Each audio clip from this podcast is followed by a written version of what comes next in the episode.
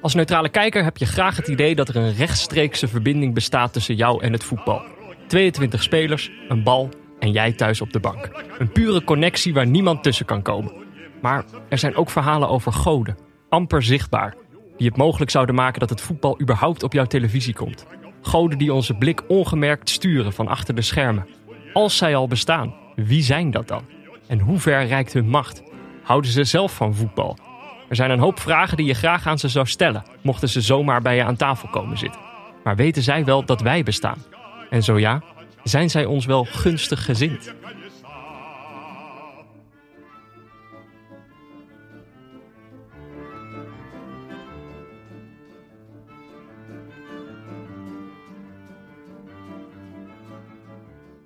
Ja, Jordi. Ja, Peter. Zondag is de finale. Ja. Als de luisteraars dit luisteren, is het uh, waarschijnlijk zaterdag. Mhm. Uh, of ver na het toernooi. Maar ja, tegen die luisteraars, daar kunnen we dan weer geen rekening mee houden. Uh, even de temperatuur opnemen bij jou. Ben je al klaar om neutraal de finale in te gaan? Nou, qua temperatuur, dat is goed dat je erover begint. want ik weet nu in ieder geval hoe Wijnaldum zich voelde in Budapest. Ik ben ook te laat vertrokken. en dat was vandaag niet de dag om, uh, om te laten vertrekken. Jeetje, wat is het uh, warm buiten. Dus ik moet nog even op temperatuur komen. Oké, okay, maar we hebben ook nog eventjes hè, om, om tot ja. de finale. En, nee, ik heb zin in. En we hoeven het vandaag gelukkig weer niet alleen te doen. Weer Gisteren niet. zat hier Sam van Raalte aan tafel. Vandaag hebben we weer een bijzondere gast. Uh, je moet er drie jaar voor podcasten. Maar dan krijg je er ook wat voor terug. uh, bij ons aan tafel zit namelijk uh, Arno Vermeulen. Goeiedag. Goeiedag. Uh, de chef voetbal van de NOS. Dat is uh, jouw officiële titel, toch? Nee. Is het de, on... dat, de zal officieuze de, dat, zal titel? de, dat zal de Wikipedia-titel misschien zijn. Ja. ja, wij werken met die term eigenlijk nooit. Officieel ben ik uh, chef commentatoren bij de NOS. Oké. En heb ik voetbal als grote sport wel zeg maar, in mijn pakket. We hebben de grote sporten wat verdeeld. Dus alles wat met voetbal te maken heeft. Alles wat met commentatoren te maken heeft. Dus dat zijn ook de, de wielencommentatoren of de badminton-commentatoren. Die, uh, daar heb ik mee te maken. Wat, wat, wat verder jouw werk precies nog inhoudt, daar gaan we vandaag uh, achterkomen. Maar ik dacht eerst nog even, uh, het toernooi is bijna afgelopen. We hebben nu drie rustdagen tot de finale. Heb jij die rustdagen ook nodig? Uh, nou, het gekke is dat ik dan uh, op zo'n rustdag uh, bezig ben om de eerste vier competitieronden van de Eredivisie in oh, te ja. delen. omdat ik mijn hart vasthoud, omdat iedereen, bijna al mijn commentatoren, klinkt wel heel indrukwekkend, maar die gaan bijna allemaal wel naar de Olympische Spelen. Ja. Dus het is EK, dan is het ademhalen, dan is het Olympische Spelen. En als ze terugkomen, dan is de kruisschaal al geweest. Laat staan de voorronde Champions League en dan begint de Eredivisie weer. Dus ik dacht van laat ik alsjeblieft even de eerste vier competitieronden wel indelen... om te kijken of we het wel, of het wel redden. Ja, of dat je het allemaal zelf moet gaan Precies. doen. Uh, u krijgt nu vier wedstrijden met commentaar van Arno Vermeulen. Dat lijkt me niet, uh, niet heel handig. Dus uh, dan ga je ja, even aan de slag, ga je even puzzelen. En ehm, de freelancers alvast inschakelen van hoe zit het eigenlijk met jullie agenda. Dat heb ik gedaan en tot mijn opluchting kwam ik er in ieder geval de eerste vier weken wel uit... Dus dan kan ik dat even wegleggen, dan loopt dat wel. Maar ik moet eerlijk zeggen, de, de laatste week van zo'n toernooi... dan ben ik meestal al in Nederland, als het in het buitenland helemaal is...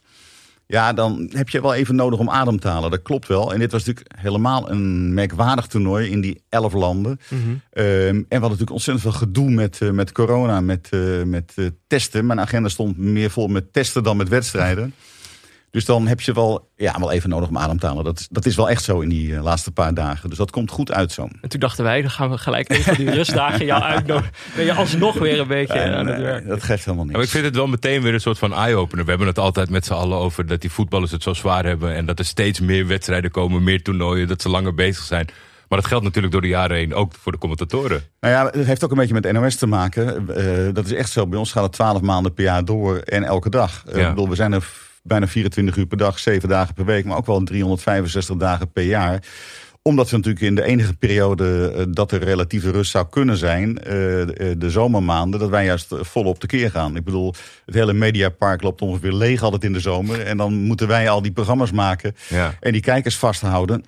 Ja, dat is wel eens ingewikkeld. En ik, ik heb daar groot respect voor. Ik bedoel, ik ben met het EK vooral bezig. Maar dan zie ik daarna, als wij klaar zijn, weer die, die tourclub... Uh, uh, s'avonds soms om half één Ja. live uh, hun tourprogramma maken. En uh, gisteren volgens mij zijn onze eerste vooruitgeschoven posten zijn naar Japan vertrokken... om de voorbereidingen te doen uh, totdat de rest komt voor de, voor de Spelen. Het is, ja, het is een knotsgekke uh, sportzomer. In het verleden zeiden we altijd dit is helemaal een gek jaar, want het is een oneven jaar. Maar vroeger zeiden we de even jaar hebben we grote evenementen.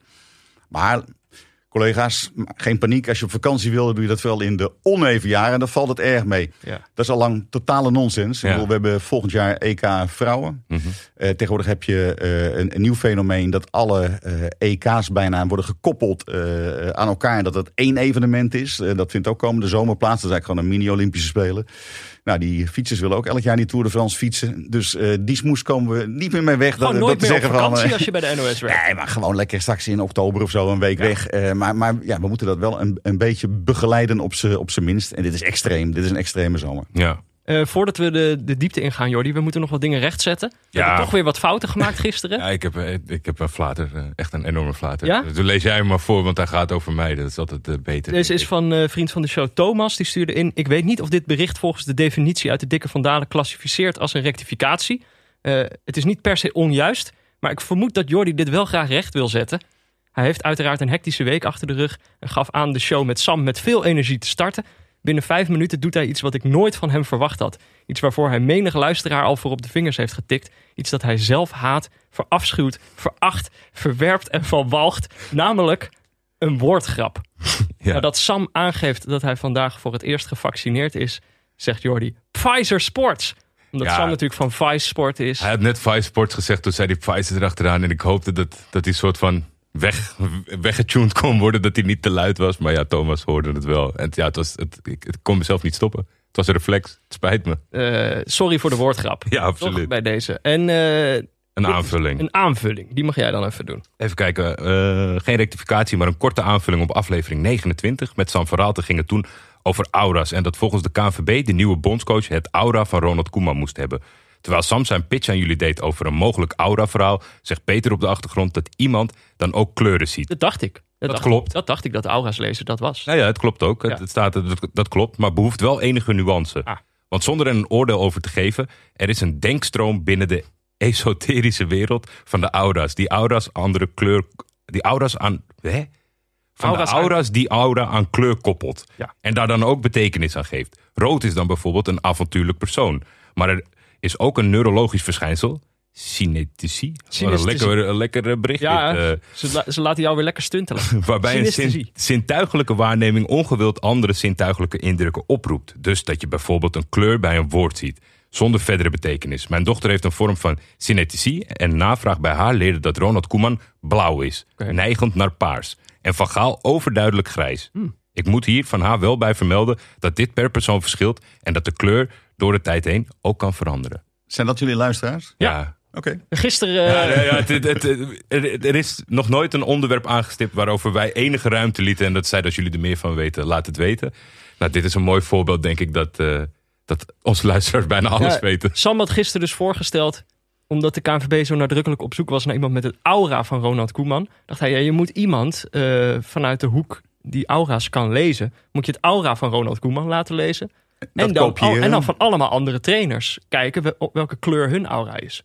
En dat was dus blauw, begrijp ik nu. Nou ja, dat, eh, de, de, dat Dit is een ervaringsdeskundige. van, eh, die, heeft, naar- die heeft naar Ronald Koeman gekeken, en blauw en met een beetje richting paars. Maar dan hebben we dus met de verkeerde met Van Gaal, want die was grijs. Ja, Jee. Ja, ik Ja, weet maar niet of de was- KNVB dit Maar dan moeten we de KNVB wel even bellen. dat was gisteren natuurlijk wel een, een, een punt zeg maar, waar het over ging. Is dat er vaak bij voetbalclubs en ook bij de KNVB dus nu een profielschets ontstaat. En op het moment dat dat traject ten einde is, gaat ook de profielschets meestal de prullenbak in. Terwijl wij denken, probeer een profielschets en daar mensen in te passen. Dat die profielschets, dat er zo lang over na is gedacht dat die een beetje stand houdt over de tijd heen. Dat gebeurt nooit in het voetbal. Nee, maar daar geloof ik ook helemaal niet in. Nee. Ik zou nooit een profielschets maken.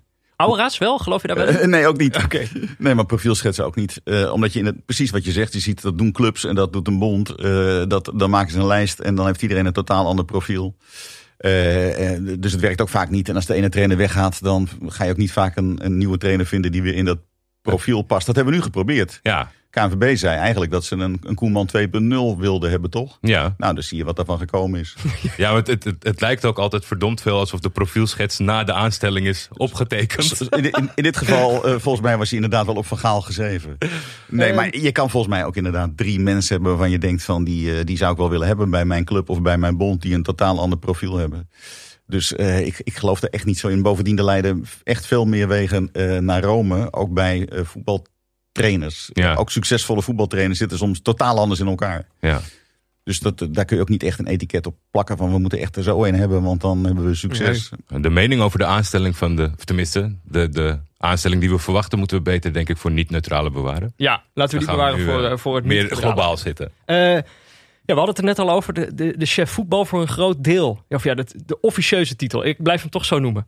Een groot deel van jouw werk gaat eigenlijk gedurende het jaar over eredivisievoetbal. Ja. Oh, je begon er net alweer over. De eerste speelrondes zijn verdeeld.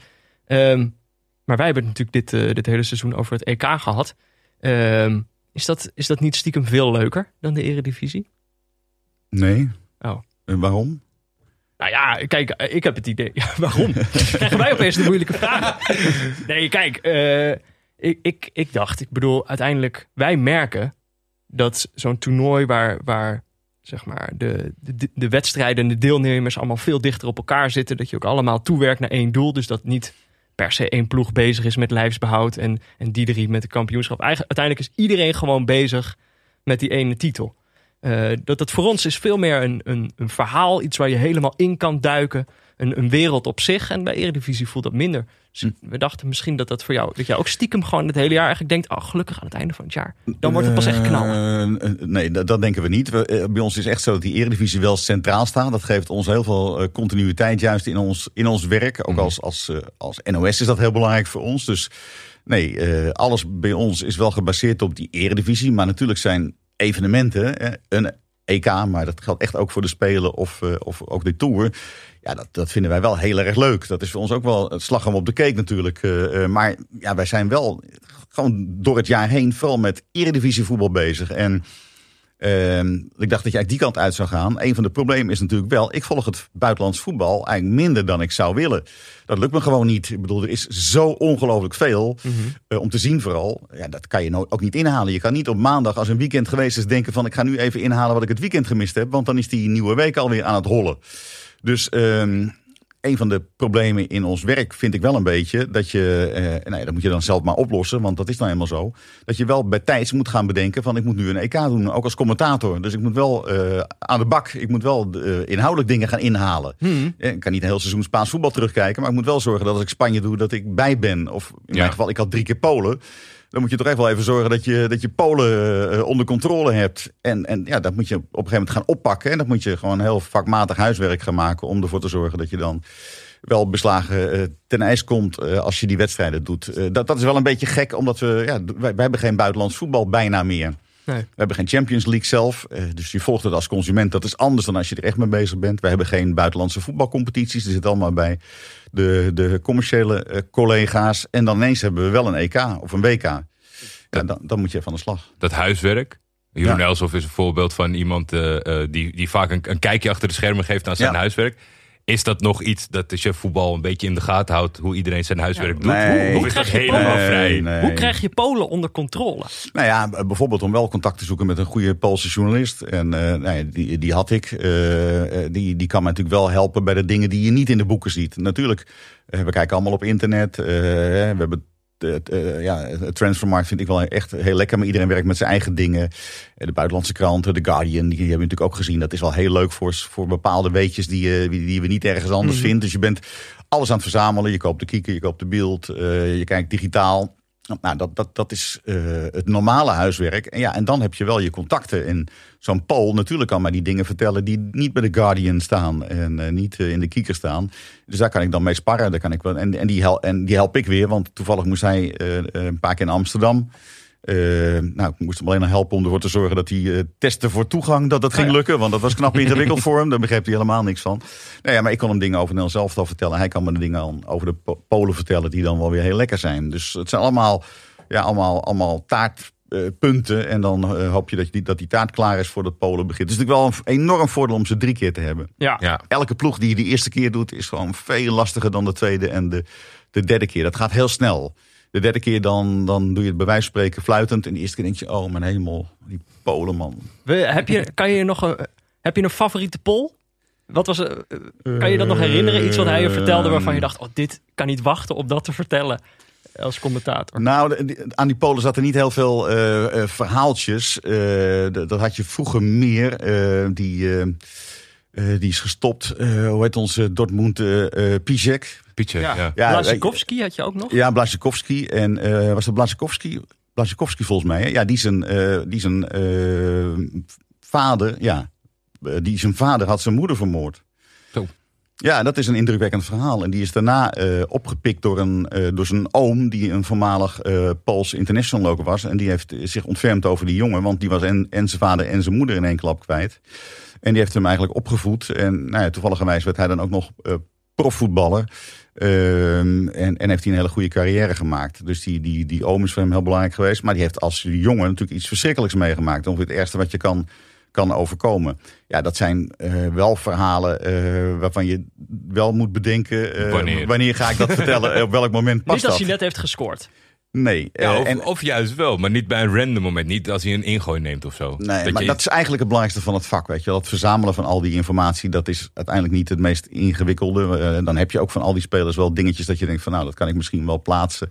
Ja, dan gaat het er wel om, doe je het? Eh, want je moet het eigenlijk gewoon 9 van de 10 keer niet doen. En alleen de keer dat het zinvol is, dat je het net even kan toevoegen. Of dat er net een situatie op het veld is dat je denkt van nou, daar past het wel. Dan moet je hem uit de kast halen. Maar je moet vooral heel veel, ook van al die dingetjes, die, die statistieke dingetjes. Ik maak van elke speler op voorhand zelf een portret in mijn, in mijn systeem. Eh, dus in mijn laptop zitten eigenlijk alle spelers die ik ga doen. Nou, dat zijn natuurlijk nu weer meer, maar de 26 per, per land. Dus van elk land waarvan ik weet dat ik die ga doen, maak ik dan 26 profielen. En daar maak ik al een soort screening van wat zet je daar natuurlijk in en wat niet. Ja, en dan in de praktijk, dan is dat alweer drie keer verder gescreend en dan gebruik je er soms helemaal niks van. Ja, precies. Want dat is wat de kijker thuis natuurlijk ook vaak niet weet. Is dat in principe als de wedstrijd het niet nodig heeft, dan gaat zo Nee. alles de prullenbak in. Ja, en eens- dat, zijn, dat zijn de beste wedstrijden. Ja, precies. Maar dat is heel dubbel. Want het is een, een, goede wedstrijd die die verhalen niet nodig heeft. Aan Nee. de andere kant, Nee, je, maar- je harde werk zo. Nee, ja, nee da- daar zit je eigenlijk op te wachten. Dat je inderdaad Ja. na afloop denkt van ja, ik had nog heel veel over. Ja, Want het enige wat je als commentator maar wil, is een leuke wedstrijd hebben. ja. Een commentator kan een, een voetbalwedstrijd in, in eh, waardering, denk ik, altijd één punt verhogen. Dus als stel dat die wedstrijd een 8 is en ik ben goed in vorm, dan kan ik er misschien een 9 van maken van die wedstrijd. En als ik niet goed in vorm ben, dan, dan is hij nog, even goed nog een 7. Maar ik kan niet een wedstrijd twee, drie punten eh, beïnvloeden. Dus als die wedstrijd er 5 is, ja, dan kan ik als commentator op mijn hoofd gaan staan, maar dan kan ik er geen, kan ik er geen 8 van maken. Ik vind dat wel interessant, omdat dit is natuurlijk... eh, deze podcast heeft neutrale kijkers. Wij, wij hebben het zelden over voetbal, maar vooral over het kijken naar voetbal. Is dat zeg maar, als commentator, in hoeverre ben je dan bezig, of als chef voetbal, eh, in hoeverre ben je dan bezig met ons eigenlijk, met de mensen thuis op de bank? En, want eigenlijk, ik bedoel, als je dit zo zegt, dan klinkt het alsof je daar toch wel echt mee bezig bent. Van je moet... eh, nee? Nee. Is het toch nee? Nee, Maar meer voor jezelf, voor je vak, denk ik. Dat, Nou, nee, ik bedoel, we- zijn er misschien wel mee bezig, maar, maar zeker niet op momenten dat we commentaar geven. Het, het, eh, de, de- de- we zijn er niet veel mee bezig hoor. Eh, maar er zijn wel momenten bijvoorbeeld dat we wel eens met een paar mensen hebben zitten brainstormen van hoe geef je anders commentaar bij Nederlands elftal dan bij dan alle andere wedstrijden die, die je doet. Ja? Dat is namelijk anders. Nou, hoe, dan? Nou, als je het Nederlands elftal doet en die, eh, die, eh, die eh, staan met 1-0 achter tegen Spanje in een belangrijke wedstrijd. En ze spelen niet zo'n goede eerste helft. dan is het toch niet zo handig om zo'n elftal al enorm de, de maat te nemen. Dus natuurlijk ben je dan, ga je, je gaat niet roepen dat ze goed spelen. Maar je hebt, A heb je 90 minuten, dus dat kan altijd nog verder op in de wedstrijd. En als jij, jullie kijken dus thuis, dus als je oranje supporter bent en Nederlands elftal speelt niet goed, dan krijg je daar behoorlijk de pest over in. Maar het gek is toch als die commentator dat ook nog eens heel erg vindt, dan lijkt het wel alsof je dubbel de pest in krijgt. Ja. Ook op die commentator. Want die heeft wel de boodschappen van, eh, van, dat, eh, van dat vervelende nieuws dat de Nederlands elftal heel slecht speelt. Je gaat het Dus ineens dan- opnemen voor Oranje. Van waarom, waarom gaat die commentator zeggen dat ze slecht zijn? Terwijl je eigenlijk zelf al vond dat ze slecht waren. Je, je, kan, je kan het niet hebben dat die commentator dat ook zegt. Nee. Dus dan mag je best even rekening een beetje mee houden. Dat je dan eh, de kerk een beetje in het midden houdt. En dan kan het natuurlijk in de, de tweede helft, als het alleen maar slechter en slechter wordt, dan word je ook kritischer. En dan kan je uiteindelijk wel de conclusies gaan trekken. Maar ik bedoel, ik doe natuurlijk op de wedstrijd tegen Spanje, waar natuurlijk de eerste helft eigenlijk heel matig was, maar we wel met 1-1 gaan rusten. En er wel een paar mensen, dat was toen al wat meer dan nu. De NOS belde nog, de telefooncentrale belde. Frank Snoeks was commentator en die Snoeks die kon er helemaal niks van. Dat was echt verschrikkelijk. Eh, die was zo'n, echt zo'n beroerde commentator. En de tweede helft natuurlijk is een fantastische tweede helft. En Snoeks is geweldig. En Snoeks was echt een wereldcommentator. en niemand belde meer dat hij, eh, dat hij het niet goed deed. Want dan ben je natuurlijk echt wel afhankelijk van, van dat voetbal. Dus de, de, de les daarin is wel een beetje dat je nou, daar iets, even iets meer tijd voor kan nemen. Wij gaan helemaal niet verschrikkelijk meejuichen met een Nel zelftal. Dat past niet bij ons, dat past niet bij de, bij de NOS. Maar het is anders. Nel zelftal becommentariëren is anders dan Ja. elke andere wedstrijd. En daar mag je wel eens over nadenken. Met een paar collega's bij elkaar zitten van... nou, heb, je, heb jij dat ook? En, en wat, kun je daar dan, wat kun je daar dan mee? Maar verder, wij doen het wel allemaal echt eigenlijk allemaal behoorlijk lang. De meeste commentatoren bij ons, eh, eh, de meeste zaten er eigenlijk al toen ik, toen ik in dienst kwam bij eh, Studio Sport. ik kwam van Canal Plus op dat moment, dat was in 2003. eh, maar er zaten er best al veel. Ja, die doen het al zo lang. Die gaan echt niet meer als ze zitten denken van... maar voor wie moet ik commentaar geven? Want ze geven al 25 jaar voor dezelfde doelgroep commentaar. Ja, ik vind het wel. Je maakt zelf al het onderscheid dat je bij het Nederlands zelf al het anders moet doen dan bij wedstrijden die je als neutrale kijker eh, bekijkt. Ja, Eh, eigenlijk ben je ook een soort. Ik bedoel, wij, wij proberen in deze podcast altijd heel erg ons best te doen om mensen te laten zien dat je ook van voetbal kan genieten als je niet per se voor een van de, van de twee ploegen bent. Maar eigenlijk ben je dan als commentator ben je soms ook een beetje de, de, de gids in het neutrale kijken voor zo'n kijker thuis op de bank. Omdat eh, die kan natuurlijk thuis op de bank zitten en die denkt, ja, waarom, waarom moet ik naar Polen kijken?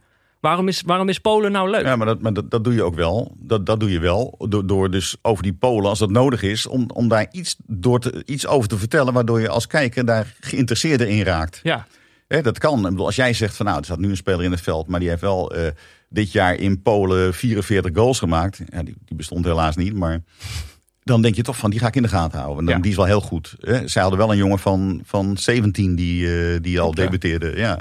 Dus dat, dat, dat is natuurlijk wel iets dat je dan wel misschien wat nadrukkelijker aanstipt, omdat het natuurlijk wel iets zegt. En ook als ik thuis zou zitten te kijken, denk ik van wacht even, die ga ik iets meer volgen met mijn ogen, want dat is wel redelijk bizar hè, de- de- dat je zo jong bent en dan al speelt. Dus je kunt met, met dat soort inkleuringen een voetbalwedstrijd wel interessant te maken. Ik denk meestal dat sport leuker is als je er iets vanaf weet. Ja, anders krijg je altijd dat verhaal van mensen van wat moet ik met 22 mensen die door, heel hard door elkaar rennen. ja, Ja. En, en dat, maar dat doe, je, dat doe je ook wel door de manier van commentaar geven. En dan af en toe daar toch iets van, van eh, of ook uit te leggen. We leggen natuurlijk ook wel dingen uit. Dat, ook dat gaat bijna wel automatisch. Maar je legt uit dat soms een systeem in een wedstrijd verandert en, en waarom. Of je legt uit dat als er een wissel komt, eh, dat dat in het elftal misschien iets, eh, iets doet met de manier van spelen en zo. Dus je, bent je bent ook aan het gidsen. Ik vind ook wel dat dat een taak is van een commentator om, om te gidsen en daardoor het voetbal in ieder geval inzichtelijker te maken voor, voor veel mensen. En er zijn natuurlijk altijd wijsneuzen die denken dat ze dat heel goed zelf kunnen hoor. Zijn, en die zijn er ook wel. Maar wij, ja, wij werken wel echt voor, voor iedereen. Eh, Ja. Ik bedoel, bij ons nu weer tussen de 2 en 5 miljoen ongeveer, denk ik, alle wedstrijden keken, er, eh, keken erna. Dus dat betekent wel dat je, dat je en voor de mensen die eh, het eh, nou, driedimensionaal tactisch willen bekijken, ja, daar ben je ook wel een, toch een beetje hun gids voor. Ja, ook voor die jongetjes van, van tien jaar die misschien een keer wat langer mogen opblijven. En ook voor sommige vrouwen die verplicht mee moeten kijken. Dus ja, wij pakken wel eh, die, die hele breedte mee eh, met, eh, met ons commentaar. Is er nog enigszins verband tussen de tv slash studioprogramma's en met jullie als commentatoren? Want wij hebben de- deze zomer denk ik veel geconstateerd dat het enthousiasme bij de commentatoren wel goed zat. Maar dat dan vaak op de tv de tendens een beetje negatief is. Ju- juist bij de wedstrijden die nergens om gaan of misschien wat minder zijn. Nou, ja, ik denk wel dat wij wedstrijden vaak wat eh, intensiever beleven dan als je eh, waar dan ook eh, in een stoel op afstand naar een tv zit te kijken. Dus wij zijn doorsnee denk ik wel, wel wat enthousiaster dan vaak wel analytici. Ja. die, die kijken er wel anders naar. Ehm, dus nou ja, dan kun je ook zeggen dat de optelsom waarschijnlijk vaak wel klopt. Kijk, eh, als commentator vind ik wel dat je vooral kritisch moet zijn. Maar, maar eh, ik zeg wel tegen sommige collega's die dan aan het begin van hun carrière staan, waar ik dan nog wat tegen kan zeggen. Eh, die nog wat aannemen. ja. Ja. nou dat weet ik eigenlijk niet, maar waarvan ik denk dat ik. maar je kunt wel kritisch zijn, maar je moet niet zagrijnig zijn. Nee, Ik bedoel, je kunt ook, ook eh, met enthousiasme iets kritisch zeggen. Maar het is ook wel natuurlijk gewoon leuk. Voetbal is leuk. In dit geval is een EK leuk. Ons werk is leuk. En dat mag ook wel doorklinken in, in wat je doet. En mensen denken dan van, ja, ga je dan, ga je dan mee met, eh, met eh, word, je, word je een juichcommentator? Nee, helemaal niet. Nee. Maar, maar zagrijnig commentaar geven, daar zit niemand op te wachten. Dat moet je niet doen. Daar er zit het- ook zoveel tussen, zeg maar, Ja. tussen enthousiast zijn of zagrijnig zijn of Ja. polonaise, zeg maar. Dat, ja, maar je hebt, dat- ik bedoel, je hebt al ja, wel mensen die dat iets meer in hun stijl hebben. Of, nou ja, die denken dat dat misschien de toon zou moeten zijn. En, en nou, dat, dat vind ik dus niet. Dus zeg op een hele opgewekte manier dat het een schandalige overtreding is. Dat kan ook. Ja. Maar ik bedoel, blijf wel, blijf wel boeien. Ja. Het is bijna afgelopen, toernooi.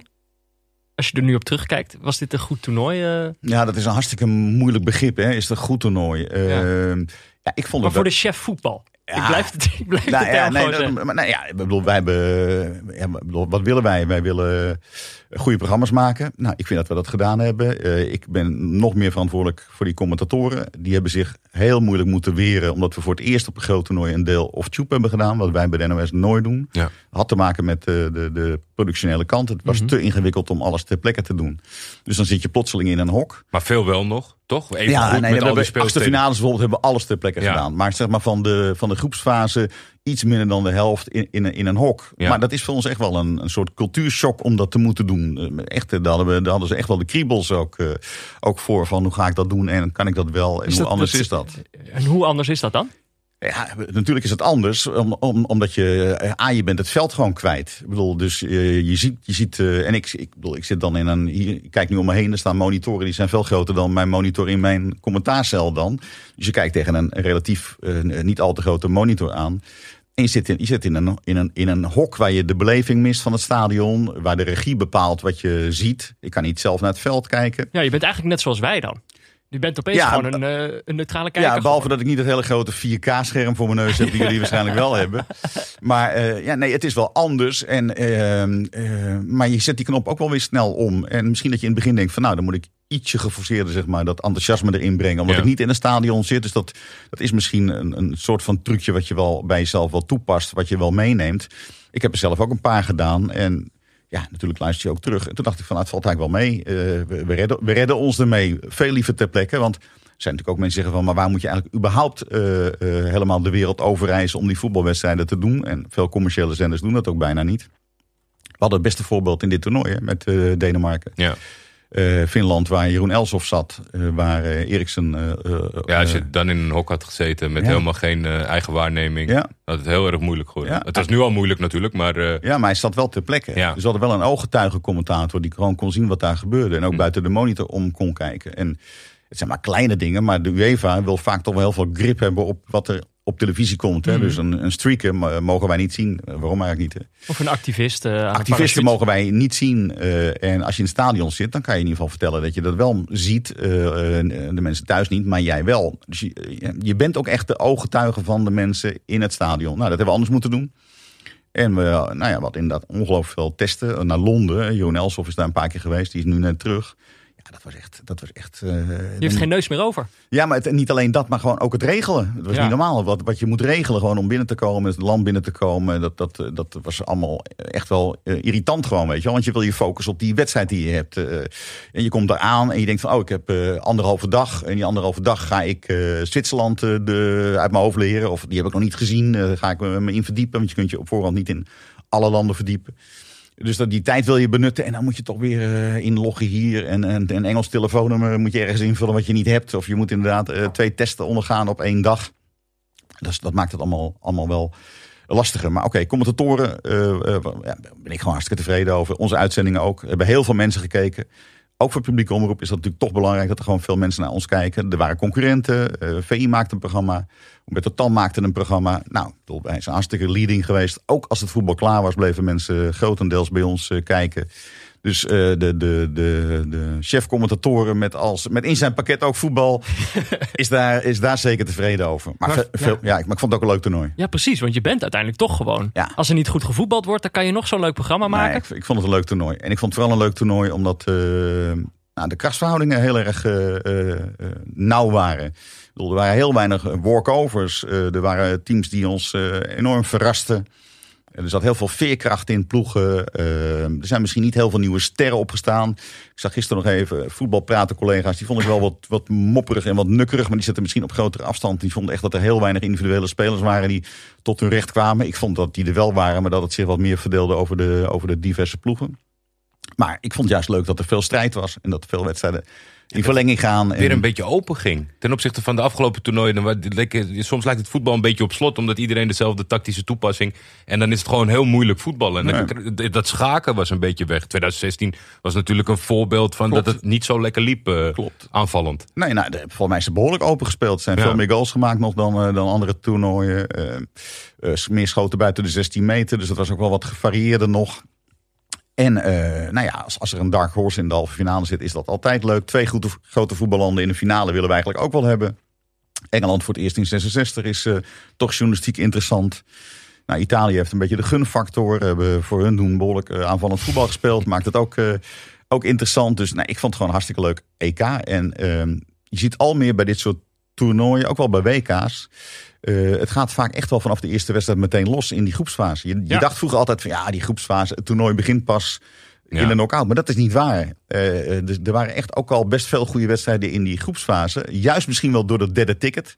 Ja, daar, Dus dat daar zijn wij nog niet helemaal over uit. Ja, lastig inderdaad. Omdat die, het, het, het is een dus, dusdanig lastig systeem was het dat we thuis op de bank een beetje in de war raakten. En dan op zich is het interessant dat ze op die laatste dag van alles eh, aan het doen zijn om, om zich te Ja, kwalificeren. De- Denemarken had zich anders niet eh, geplaatst voor de knock-out fase. Nee. En die pakte natuurlijk nog met één wedstrijd te winnen. Pakten ze zo'n ticket. En maar in die pool des doods, in pool F, was ik het op, het op een gegeven moment echt kwijt. en toen zaten we echt alleen op de virtuele stand en de commentatoren te wachten van... Maar wij hadden Jan Bavink hè, ingehuurd, eh, wiskundig ongeveer. Die eh, dat steeds eh, met, eh, met al die. Ja, dat is natuurlijk bijna. Dat wordt gewoon cult als je hem ziet staan daar met, dat, met, die, met die rij, met al die mogelijkheden. En dat, daar was inderdaad niet uit te komen. Het is niet te begrijpen. Alleen eh, sommigen kunnen het begrijpen. Maar eh, het betekent wel dat bijna iedereen eh, eh, Door kan. Lang door kan. Ja. Dus je haakt niet zo heel, heel snel af. Noord-Macedonië was een van de eerste en de Russen, denk ik. Ja, en Turkije vast wel. Ja, maar dat wilde ik niet Nee, benoemen. Turkije kon nog, Turkije dat kon nog wilde ik volgens mij niet, heel ja. lang, eh, heel Dus je kunt, wel. heel, je kunt wel heel lang door. En Ja. ja. ja, dat was best wel spectaculair eigenlijk, die, eh, Ja. die groepsfase. Ja, dat, dat heeft ons eigenlijk ook verrast. Want van tevoren dachten we, dit is sowieso stom. Er moet gewoon een beetje tempo in het toernooi zitten. En dan moeten gewoon snel ploegen afvallen. En als iedereen doorgaat, we, waar doen we Ja. de groepsfase nog voor? Maar In de uiteindelijk... praktijk je kan het werken. Ik denk Ja. dat ze misschien iets nog een iets betere rekenformule of een, een totaal aantal eh, deelnemers wijzigen dat het wat makkelijker wordt. Want nu vond ik ook het speelschema zeg maar met dan ineens drie wedstrijden, dan weer terug naar één, Ja. dan weer twee. Het was een beetje rommelig in de, in de normaal is het Ja. gewoon heel constant. Je begint met de openingswedstrijd, dan een, een paar ja, een week lang hetzelfde en dan kom je op die laatste dag dat die dubbele confrontaties zijn. Dat is nu een beetje zoekende, vond ik allemaal. Veel Ja. rustdagen richting het einde. Nou ja, de enige oplossing is natuurlijk naar 32 gaan. Ja, dat zei ik wel. dan heb je, dan heb je iedereen En- buiten de Europese Unie ook erbij. Nou ja, maar, eh, ik, ik vind een van de meest de grootste gruwels van het voetbal vind ik die, eh, die Kwalificatie. eh, kwalificatie. Dus Ja. ik zou er wel, ik zou, ik ben wel voorstander van een A. EK dus, hè, met eh, gewoon eh, nou ja, desnoods maar 32 landen gewoon geplaatst via een ranking. En dat je af bent van die, die ellenlange eh, eh, Ja. kwalificatiewedstrijden. Nations League-achtig behouden, iets in Ja. die geest. En in de tussentijd gewoon als je via die weg maar zorgt dat je in de top Precies. 32 staat. Nou ja, via Nations League kan je eventueel promoveren dan naar die A-groep, weet Ja. je wel. Zoals bij ijshockey heb ik altijd meteen dat voorbeeld, daar heb je dat. Ehm, en, en, en, maar dat je weer niet, niet weer naar Andorra moet en zo, en Luxemburg en al die flauwe, flauwe Ja. Potjes. Dat, dat, die kalender is er vol, roepen we altijd. Nou, daar zou je wel wat ruimte kunnen winnen. En bovendien, 32 landen klinkt wel heel veel. Maar kijk eens welke landen er nu nog ontbraken die echt wel interessant geweest zouden zijn. Ik had Servië wel, Ja. wel op een EK willen zien. eh, Noorwegen. eh, Toch? ja. Ja. met oog op de toekomst. Kan. Ierland. Eh, nou ja, ik bedoel, de, de, de- het is niet zo dat er dan, dat, dat er dan Ja, dat hele dan- kleine landen... Dat het dan per definitie Liechtenstein wordt. Nee, Nee, dat, is- dat Zit weet nog nog tussen. niet. Ja, zit nog een klein beetje. Ja, ja. Ja. interessant hoe dat zal gaan, hoe je er naartoe werkt als Ja. je niet meer hoeft te kwalificeren. Je nam, Ja. nam al een beetje een voorschotje op de finale. Daar gaan we het zo meteen over hebben. Maar we gaan eerst even naar een eh, berichtje van onze sponsor.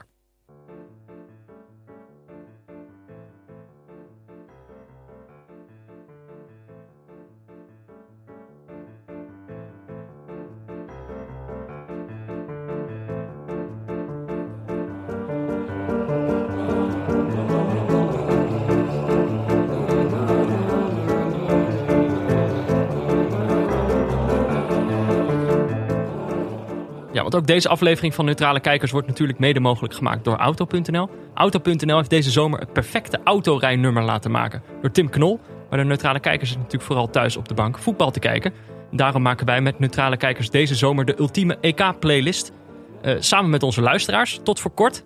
Maar nu hebben we natuurlijk eh, gasten tot aan de finale. En dan geven we het stuur in handen aan onze gasten. Die mogen dan een liedje uit de lijst halen.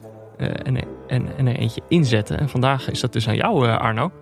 Eh, we hebben het er hiervoor al heel kort even over gehad. Ja, jullie moesten me even helpen. Eh, nou ja, wat ik zei, een, een lied wat voor mij heel erg aan, aan die toernooien verbonden is. Maar ik kon eh, zo snel niet meer op het toernooi komen. Ik, zie alleen nog de setting waar ik was in Hilversum. Maar Chef Special heeft een, een keer een, een, een... We hebben een lied gebruikt van Chef Special voor een, een EK of een WK. Bij de NOS, de programmamakers die dat dagelijkse programma maken... zijn vaak wel heel erg met muziek bezig. was echt wel in het begin. Ze waren nog redelijk onontdekt daar in Haarlem. Ze kwamen ook keurig eh, naar Hilversum om dat live eh, te spelen. Nou, de band heeft zich uitermate ontwikkeld. Ik vind het trouwens ook een hele fijne band. Ik heb ze ook wel live gezien. Eh, dus ja, ik zou toch eh, iets van eh, Chef Special wel uit die tijd eh, eh, erin willen zetten. Er is dus, want jij zei je weet nog wel waar je was. Ik, ik weet niet meer precies de, ik weet niet meer de, de naam van het, eh, van het nummer wat we toen gebruikt hebben. hoorde. Dus Ja, er is. het, dus- moet, het moet te vinden zijn. En je dacht waarschijnlijk WK 2010, toch? Ja, 2000, ze zijn in 2008 begonnen en ze stonden nog wel in de kinderschoenen. Iemand van ons had ze eh, gehoord in Haarlem. Ja, het moet 2010 of 2012 geweest zijn, want daarna werden ze al te bekend en dat waren ze nog niet. Eh, en kijk, wij hebben net geprobeerd om dit te googlen. Om dit Moeilijk. te vinden. Moeilijk, is niet gelukt. maar er is altijd één ding beter dan Google. Zijn we luisteraar. gekomen, is de luisteraar. Die, er is altijd wel een luisteraar die dit weet. Ja. Eh, dus een liedje van Chef Special dat gebruikt is onder de montage van de, de NOS. Wat trouwens eh, echt de nummer één reden is waarom liedjes een EK-gevoel eh Ja, en dan heb, je, dan heb je voetbalspelletjes, computerspelletjes en dan heel lang niks. Dan zijn het allemaal privéverhalen. Ja. Van dit vond ik mooi en dat vond ik mooi. Dus dat is de, de NOS heeft daar eh, toch heel veel invloed op. Op eh, welke liedjes wij gaan associëren met, de, met toernooien. Nou ja, dan is de, de tijd die ze daarin in stoppen om erover na te denken in ieder geval goed besteed. Ja. Ja, het is, het is volgens mij exact zo de werking dat als je een, een, een fijn nummer in combinatie met voetbalsucces. Dat, je zou, ook al wil je het niet, want de meeste van die liedjes waar ik eh, dan een goed gevoel bij heb, is niet echt mijn stijl qua muziek. Maar die, dat nummer is voor, voor altijd, zeg maar, Turkije 2008. Daar kan je niet zo heel veel aan doen. Dat blijft gewoon, dat Ja. blijft gewoon kleven. Ja, wanneer was het Nelly Furtado bijvoorbeeld? Forza is denk ik. Was het Heeft niet ook in de lijst gestaan. Ja, was, was, het niet gewoon eh, een toernooi in Portugal? 2004? 2004. Ja, dat was ook zo'n nummer, weet je wel, wat, wat zo bleef hangen en zo Ja. goed gewoon was. Ja. Ehm, dus ja. we weten niet precies welk liedje erin komt. Je mag er dus ook nog eentje uitgooien. Dat weten we volgens mij ook nog niet precies. Nou, ik, ik weet niet wat ik, weet wat ik of je, kan of gooien. je eh, de reclame hebt gezien deze zomer met Wesley Sneijder. Ja, zeker. Vind je Gisteren. dat een prettig geluid? Eh, Dat hakken bedoel Ja? je? Nee, dat, die, eh, die, Dan- eh, dan die mag, ik- er- die mag, er- die mag er van mij uit. Hoewel Wesley wel geweldig die, die rol vervulde hoor. Maar, eh, Ja, de- nou, de- doet ook, het zelfspot zit goed. Dat hebben ze Precies. natuurlijk niet vaak. Maar het, het liedje zelf eh Nee, voor de- mij niet te lang in de lijst. Zo, dat heb ik een beetje die kant op. Ja, dat, heel goed geholpen, haal hem maar uit. Eh, dan, dan, dan zijn de keuzes gemaakt. En mocht je de, de hele lijst willen horen, de ultieme neutrale kijkers EK-playlist in samenwerking met Auto.nl, dan moet je Ja. die natuurlijk opzoeken. Nog heel even last minute nieuws. Wandering Heart van Tim Knol, die er natuurlijk niet uit kan en niemand hem eruit wil. Die is vanmiddag verkozen tot topsong op Radio 2. Nou, Dus ja, ik weet niet. eh, laten we ervan uitgaan dat we elkaar allemaal een beetje geholpen hebben Ja, deze zomer. eh, mocht je de hele lijst willen luisteren, dan eh, kan je die luisteren op Spotify. Goed, dan de, de finale. Italië-Engeland. Zondag eh, 11 juli. Ja. S'avonds eh om eh 9 uur. Laat hè, op zondagavond. Vind je niet? Nou, sowieso. In eerdere toernooien gingen volgens mij de late wedstrijden altijd naar 8 uur. Dat was voor ons ook prettiger, want wij nemen altijd na de wedstrijden op. Nou, maar ik vind het echt laat. Zo'n finale, er is één wedstrijd. Dit heeft natuurlijk allemaal commerciële redenen. Maar ik denk inderdaad altijd aan, aan die nou is Kinderen. vakantie. Ja, ik- denk aan die Ja. kinderen. Die Ja. moeten een finale kunnen zien van een EK, man. Dat geeft, eh, dat geeft iets. En ja, je kan een dag later kijken, maar dat is niet leuk meer. Je moet het live zien. En dan is het bij ons toch negen uur. En in andere landen acht uur.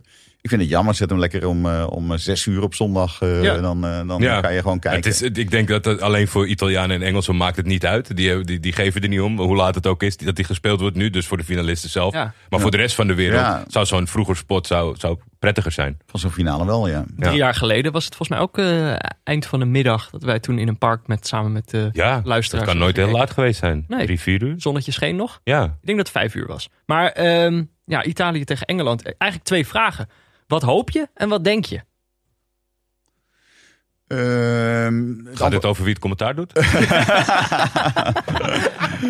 is, er, is dit een hevige strijd achter de schermen? Wie Nee, de... nee dit, Oh. keer, dit keer helemaal niet, omdat eh, Frank Snoeks gaat de finale doen. Ah, Maar het is zijn laatste grote toernooi. Frank die, eh, die begint langzamerhand een gezegende leeftijd te bereiken. En die heeft zelf aangegeven dat hij eh, Qatar niet, eh, niet meer gaat doen.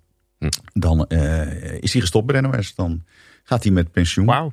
Dus, het, eh, Eh, dus- is het? Het afscheid van Björn Kuipers, maar dus ook het afscheid van... Maar eh, niet zijn afscheid, want hij gaat nog wel de Eredivisie doen. Maar wel het afscheid van een groot eh, evenement. En daar heeft hij ook heel veel van gedaan. EK's en WK's. En vroeger natuurlijk Olympische Spelen met, met schaatsen. Maar daar, daar was hij al mee gestopt. Nee, dus dat, nou ja, wat wij altijd doen is dat we... we delen altijd in tot en met de kwartfinale. Denk ik. Misschien ooit als tot de achtste. Maar laat in ieder geval halve finales en finale altijd buiten de eerste indeling. Dus eh, ze krijgen bij ons echt eh, vrij, vrij vroeg hun schema te zien. Dat vind ik wel belangrijk. Dat je betijds weet wat je, wat je gaat doen. Dan laten we het laatste open. Omdat we echt altijd zeggen, ja, we willen gewoon kijken naar de vorm van de dag. Eh, er zitten mensen gewoon ook wel eens beter in het toernooi en minder goed in het toernooi. Dat geldt voor een voetballer. Maar dat geldt ook gewoon voor commentatoren. Dat kan met thuis te maken hebben dat je lang weg bent en dat het daar niet zo lekker loopt. Of je bent zelf niet helemaal gewoon eh, fysiek in orde. Of... Dus we kijken daar altijd wel naar. Eh, nu hadden we gezegd van nou, dit is best wel logisch dat eh, sowieso Frank de finale doet. Natuurlijk laten we het nog wel een beetje open, maar daar gaan we in, in principe vanuit. En er was geen enkele reden om, om dat te veranderen. Dus hij doet, doet de finale zondag. Ehm, wat, wat ik verder hoop, ik denk en hoop eigenlijk wel dat Engeland het wint. Oh, Ehm, dit hebben wij nodig, hè? Want wij merkten na de laatste wedstrijd van Engeland... merkten we dat we toch iets te, te diep in de antipathie eh, zaten. Ja, maar dat, dat valt mij wel ook wel op. Eh, dat, dat, dat geldt volgens mij wel voor veel mensen in Nederland. Ik heb dat sowieso Jeroen niet. Nou, die, die, die, die, die zit, die zit daar, laten we zeggen, stevig in. Zelfs voor Guter zit hij daar stevig in. Nee, ja, ik heb, dat, ik heb dat van oudsher ook niet zo gehad. Ik bedoel, ik, ik, ik heb heel veel Engels voetbal gedaan in het verleden bij Canal Plus en zo. Veel in Engeland geweest. En, nou, dat vond ik echt super. En, eh, en, en, de, en de beleving en het voetbal zelf. Dus dat, dat heb ik al niet. Nou, ik vind het toch gewoon leuk omdat het historisch is. Eh, ik, heb zelfs, ik heb zelfs 66 niet eh, bewust meegemaakt. Nou, dat ze eindelijk een keer een eindtoernooi zouden winnen. Dat vind ik dus wel, eh, dat heeft iets wel sensationeels dat je daar dan toch als het ware bij bent. Eh, ik vind het elftal eh, leuker spelen dan, eh, dan, eh, dan veel andere mensen, merk ik. Eh, ik vind het wel knap dat ze een, een nieuw elftal gebouwd hebben. Dat er natuurlijk, natuurlijk zitten er hele leuke spelers ook wel regelmatig op de bank. Dat is een keuze van, de- van, de, van de coach die goed uitpakt. Maar hij zet ze ook wel vaak in. Hè. Dus er is echt wel wat gebeurd in Engeland de afgelopen jaren. Ehm, en ik denk ook echt wel gewoon dat ze winnen. Ze hebben gewoon het momentum. Ze spelen thuis. Ehm, Italië vind ik misschien ietsje overschat. Ik vind ze wel, eh, wel goed voetballen. Maar nou, tegen Spanje, eh, ook die heb ik natuurlijk van dichtbij gezien. Ja, blijft er overeind dat ze gewoon eh, maar 30% balbezit hadden tegen Spanje. Dus dat zegt ook, als je echt, echt heel erg goed bent, overkomt je dat toch niet. Nee. Ondanks dat je kunt zeggen, ja, dat interesseert ze niet. Want ze, ze spelen graag natuurlijk in de, in, in de counter. Maar nee, de, de- ze waren echt wel van plan om te kijken of ze die wedstrijd een beetje naar hun hand konden zetten. Dat lukte helemaal niet. Zij, Ehm, zij- Italië, voor ons gevoel, vaart ook al best wel lang op het krediet... dat ze in de eerste twee wedstrijden in de groepsfase hebben, hebben Nee, vergaard. zelfs de afgelopen twee jaar, denk ik. Oh. Nee, nee, nee, nee, bedoel, eh, ze hebben geweldig gedaan. Die serie eh, is, is natuurlijk eh, onovertroffen. Wij waren heel erg onder de indruk van onze eigen wedstrijden tegen Italië. Wij kenden de spelers nog niet zo goed toen ook. Hè. Barella en zo, dat waren allemaal wel nieuwe namen voor ons. Ja, ik weet nog, Spinazzola Spina- was... Spinazzola was een, een, echt een, een, ja, dat was voor mij ook een nieuwe speler. En ik dacht van, waar komt die vandaan? Hoe, hoe, kan, hoe kan dat wat we nu zien voor onze ogen? En, en dus toen zijn we ze wat meer gaan volgen. En waren we allemaal uitermate enthousiast over het team. Nou, dat hebben ze voor een deel ook wel eh, weer bewezen op dit EK. Maar er zitten ook wel kanttekeningen aan. Ze hebben niet echt een topspits tot nu toe op het EK. Komt dat er dan ineens in de finale uit, kun je afvragen. Kijk naar zijn loopbaan en dan zie je dat hij eh, over het algemeen natuurlijk ook in, in het buitenland niet, eh, niet echt gescoord heeft. Nou, de Engelsen hebben Kane, die, die kan echt voor mij het verschil maken in de finale. Eh, andersom moet ik eerlijk zeggen dat die, die Pickford, die kan er volgens mij helemaal niks van. Dat is goed eh, gemaskeerd gebleven tot nu. Nou, niet in die halve finale. Nee, de halve Eh, finale zelf niet. Maar tot, aan dat punt Ja. waren die Engelsen de Ja. hele tijd. Want die hielden hun hart vast. En die Ja. hadden ja, gedurende het toernooi zoiets van... Nou, Ja. valt ons niet tegen. Maar ja, ze kregen natuurlijk ook amper ko- eh, Nee, maar, kansen maar, tegen. maar dat is wel een hele rare doelman. ja, En als je dan Donnarumma ziet, dat is gewoon een wereldkeeper. Dus dat kan ook wel heel cruciaal. Nee, ik, ik denk eerlijk gezegd, het zijn twee scenario's. Of Italië is gewoon echt veel beter. En wint misschien wel met 3-0. Als het spannend blijft, als het gelijk opgaat, dan gok ik echt dat Engeland het momentum echt gaat pakken. thuispubliek en gevoel. En ja, Ja. wat betreft, ik zat nog na te denken over wat kan je, wat kan je die Engelsen meegeven aan positiviteit. Het, het mooie dat ik vind, ik vind Southgate verschuilt zich er niet achter. Volgens mij twee wedstrijden geleden tegen Oekraïne. Toen had hij gezegd, met de opstelling waar ik vanavond mee het veld op ben gegaan. Als het niet goed was gegaan, dan weet ik dat dat mijn baan had I'm, gekost. I'm dead. Ja, maar, toch? ja, maar dat, dat vind ik wel mooi. Omdat eigenlijk de trainers zijn meer van een beetje draaien en een tactisch plan neerleggen en bla bla bla. Maar die nemen niet. De achterlijn halen. Ja, maar die- Maar, maar het is ook een beetje schijnheilig, hè? want wij veroordelen dat enorm. Dat is lekker makkelijk, omdat wij die verantwoordelijkheid niet hebben. Maar toen Van Marwijk natuurlijk eh, op een tena wereldkampioen werd, toen deden wij precies hetzelfde. ja. Ja. Wij zetten de Jong en Van Bommel er gewoon voor. Eh, als op het, eh, op het middenveld. Zeg Ja. maar. En dat doen zij exact hetzelfde. Die konden misschien ietsje beter voetballen, maar het, het idee is wel hetzelfde. Ja, maar ik, ik heb het wel het idee dat Southgate gaat het beter af, zeg maar, eh, met hoe ze het thuis vinden dan hoe het. want ik, ik kan me nog goed herinneren dat we terug in de studio kwamen naar die WK-finale en dat men blij was dat we hem niet hadden gewonnen op deze manier. De afschuwelijke, agressieve manier die niet paste bij het land. Ja. En dat zie je toch over de grens veel minder. Ja. Er zal echt toch in Italië zal ook niemand rouwig zijn als deze gasten 90 Nee. minuten creperen op de grond. voor Nee, niks. totaal niet. Nee. dat- Maar, maar als, je, als je 34, even gaan tellen, als je 55 jaar lang geen grote prijs gewonnen Ja. hebt als Engeland. Je zou nu Europees kampioen worden. Wel een ontzettende azijnpisser in het land. Als je dan gaat roepen van ja, maar ja, we hadden wel eh Grealish elke wedstrijd moeten opstellen. Ja, maar ik, ik vind wel, dat het risico wat je daarmee neemt, is je moet hem winnen. Als je het niet, als Nee. je, als je het niet mooi wil doen, maar dan recht voor gaat, dan moet je hem ook wel winnen. Want anders heb je ook mensen een soort van, ja, niet echt een herinnering gegeven aan niet. Nee, maar dat is wel, dat is echt prachtig gedacht. Heb je allemaal gelijk in. Maar dat is heel veel elftallen. die- Heel veel elftallen worden nog herinnerd omdat ze kampioen zijn, terwijl ze niet briljant voetballen. Dat gold voor Frankrijk eh, eigenlijk ook wel. Die hadden een, natuurlijk een top elftal, maar, maar het voetbal viel eigenlijk wel tegen. Ik bedoel, Ja, eh, eh, Portugal dat, eh, dat, dat Europees kampioen werd, dat was eigenlijk wel bevlagen Ja, met ik- afbraakvoetbal in dat toernooi. Maar dat vergeten we omdat Portugal als ja, ik, die finale won. Ik, ik weet niet of, of we dat vergeten. Misschien wel, maar het is, het, ik, je zal toch niet snel iemand tegenkomen die dat als, iets, iets moois vindt. Of zegt, weet je nog die Portugees of zo. Het is meer, het, het een herinnering. En het zijn, je, prijzen zijn prijzen, dus alle credits daarvoor.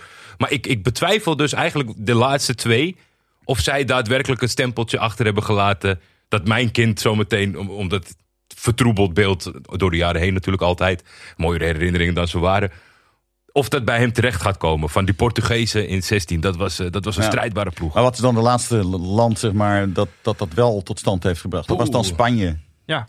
Ja. Maar die waren ook gewoon, ik bedoel, die worden twee keer Europees kampioen en wereldkampioen. Maar die waren natuurlijk zo verschrikkelijk goed. Die hebben toen iets neergezet, zeg maar, als land door en die prijzen te winnen. En op een manier waarvan je dacht van sensationeel. Maar dat is van de laatste ja, twintig jaar Ja. misschien, is dat wel echt de grote uitzondering. Ja. Wat er voor ons Maar- eigenlijk op het spel staat, voor de neutrale kijker, is.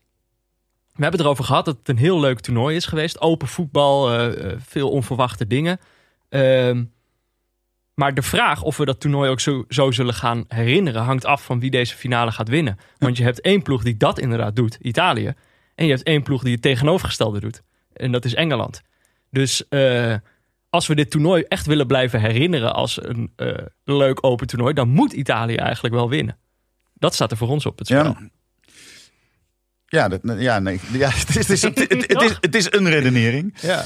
Nee, ik denk wel dat degene die verliest, ehm, hoe dan ook, als het ware, het gevoel heeft, niet alleen dat hij een finale verloren heeft, maar dat het echt een hele verloren toernooi is op deze manier. Ook Italië natuurlijk. Als die nu die finale verliezen, zullen ze toch niet echt met trots terugkijken uiteindelijk op dit toernooi. Dat denk, ik, daar- daar was het dan weer niet goed genoeg voor. Ja, dan ja, had ja. Nederland in 74, daar kun je nog wel zeggen, die waren zo goed, die hebben een nieuwe voetbalstijl neergezet en stom dat we die finale verliezen. Maar dat heeft nog jarenlang ons heel veel goodwill opgeleverd. Als Italië die finale verliest van Engeland, weet ik niet of dat effect er echt nog is. Natuurlijk Nee. hebben ze dan een aardig toernooi gespeeld. Ik denk dat niemand dat meer zo voelt. Dus dat is wel oneerlijk. Maar degene die aan de haal gaat met deze prijs, die gaan we ons nog heel lang herinneren. Ook als Engeland wint, omdat Ja. het zo bijzonder is. Italië, omdat ze goed voetbal hebben gespeeld. Uh, maar degene die verliest, die is wel heel snel weer weggepoetst uit de geschiedenisboekjes. Ja. Dus dat staat er eigenlijk allemaal op het spel. Het is toch wel heel belangrijk, hè, de finale. Toch heel belangrijk. Want eigenlijk, wij hebben ook een beetje het gevoel. Ik weet niet of jij dat ook hebt. Ons gevoel is een beetje zo. De groepsfase is eigenlijk altijd gewoon het leukste. Iedere dag heel veel wedstrijden. en dan is de groepsfase afgelopen. En dan hoor je altijd mensen zeggen: Oh, nu begint het toernooi pas. Terwijl wij dan denken: Ja, nou is eigenlijk het, het, het leukste is voorbij. En dan krijg je heel veel rustdagen. En dan een paar Het, te- het, tempo, het tempo van het toernooi is de eerste twee weken het leukste. Ja. Ja. Dat is ook zo, want als je er dan drie hebt en is er één minder, dan heb je er nog weer weer twee over. En jullie eh, consumeren ook eh, als veel vraat in voetbal natuurlijk. Dus dat, dat is zo. Het, het is ons nu, het is eigenlijk nu te weinig. We hebben te weinig wedstrijden. En je hebt te veel rustdagen. Het is, het is heel dubbel, want die, die rustdagen zitten echt gewoon in de weg. Want die twee, die, die, die, eh, twee keer 3-3, die kan je in de groepsfase... Dat is wel schier onmogelijk, denk ik, om zo'n om zo'n avond, zo'n dag te krijgen. Ja. Dat kan eigenlijk alleen in knock-out. Ja, Dus het is, ja, het is heel dubbel. Maar ik, het is heel dubbel. Veel rustdagen. En de finale is ook dubbel. Want uiteindelijk is het ook voor ons alles bepalend. En dan gaan we ook nog voetbal kijken op de Olympische Spelen trouwens. Oh ja, nee, dat zou je al haast vergeten. dus inderdaad. Niet mannen, toch? Eh, ja, P3, Jawel, ook. P3 gaat gewoon eh, Ja, voor Spanje ja, naar de Olympische ja, Spelen. Ja, wel, maar oh, Nederland zelf dan niet. Nee, nee, nee. nee. Ah, maar jij zit al alweer in oranje. Want we hebben, het, we hebben het heel goed weten te verzwijgen eh, Ja. tijdens deze aflevering. En we gaan het straks natuurlijk eh, achter de paywall gaan we het met eh, Arno Vermeulen hebben over het Nederlands elftal. Ik ben toch ook wel benieuwd hoe je dat, eh, hoe je dat hebt beleefd als eh, chef voetbal. Maar ook als mens. Ehm, maar daar gaan we het natuurlijk straks over hebben. Eerst even deze aflevering afkondigen. Neutrale Kijkers is mede mogelijk gemaakt door Dag en Nacht Media. De hoofdsponsor op de borst is Auto.nl. De muziek is Tachanka van Leon Lischner en Friends. En een adaptatie daarvan van Studio Cloak. Eh, en de artworks, die, eh, eigenlijk dat wat je ziet, die zijn natuurlijk het werk van Barry Pirovano. Onze notenpartner is Sebon. Jordi, hier kregen we vandaag nog een bericht over. Wij zeiden dat Ja, ze- oh ja, een rectificatie rondom Sebon. Ik had, ik had gezegd dat de eerste badge op was en dat ik de de tweede eerste badge van de niet zo neutrale kijkers borrelmix. Ja, maar dat is eh, veel harder gegaan dan ik me ooit kon voorstellen. Ze zijn nu de vijfde en de laatste badge aan het maken. Ja, eh, ik, ik, ik vond hem lekker, maar ik wist niet dat het zo hard zou Eh, lopen. mocht je nog wat van die nootjes hebben, dan moet je dus eh, snel zijn. eh, bijvoorbeeld om op te knabbelen tijdens de finale. Wil je meepraten? Dat kan. Je kan ons volgen op Twitter via @buurtvader of @defef. Je kan ons mailen op neutralekijkers@gmail.com of je kan een berichtje sturen via vriendvandeshow.nl slash neutralekijkers. Eh, Arno, bedankt. Als Graag mensen jou eh, willen volgen, dan moeten ze hun tv aanzetten, denk ik, toch? Nou, over het algemeen vinden mensen vaak dat ze niet omheen kunnen. Dus daar zou ik me geen zorgen over maken. Maar heel erg bedankt dat je hier wilde zijn. En we praten natuurlijk nog eventjes met jou door eh, eh, in niet-neutrale kijkers. En bedankt Diederik, de meest recente vriend van de show. Je gaat er bijna passeren. Maar het, het, Diederik, zelfs, bent precies op tijd. zelfs drie dagen voor het einde stappen mensen nog eh, in ons project. Eh Diederik, we nemen jou mee. En tegen de rest van onze luisteraars zeggen we tot morgen. Tot morgen.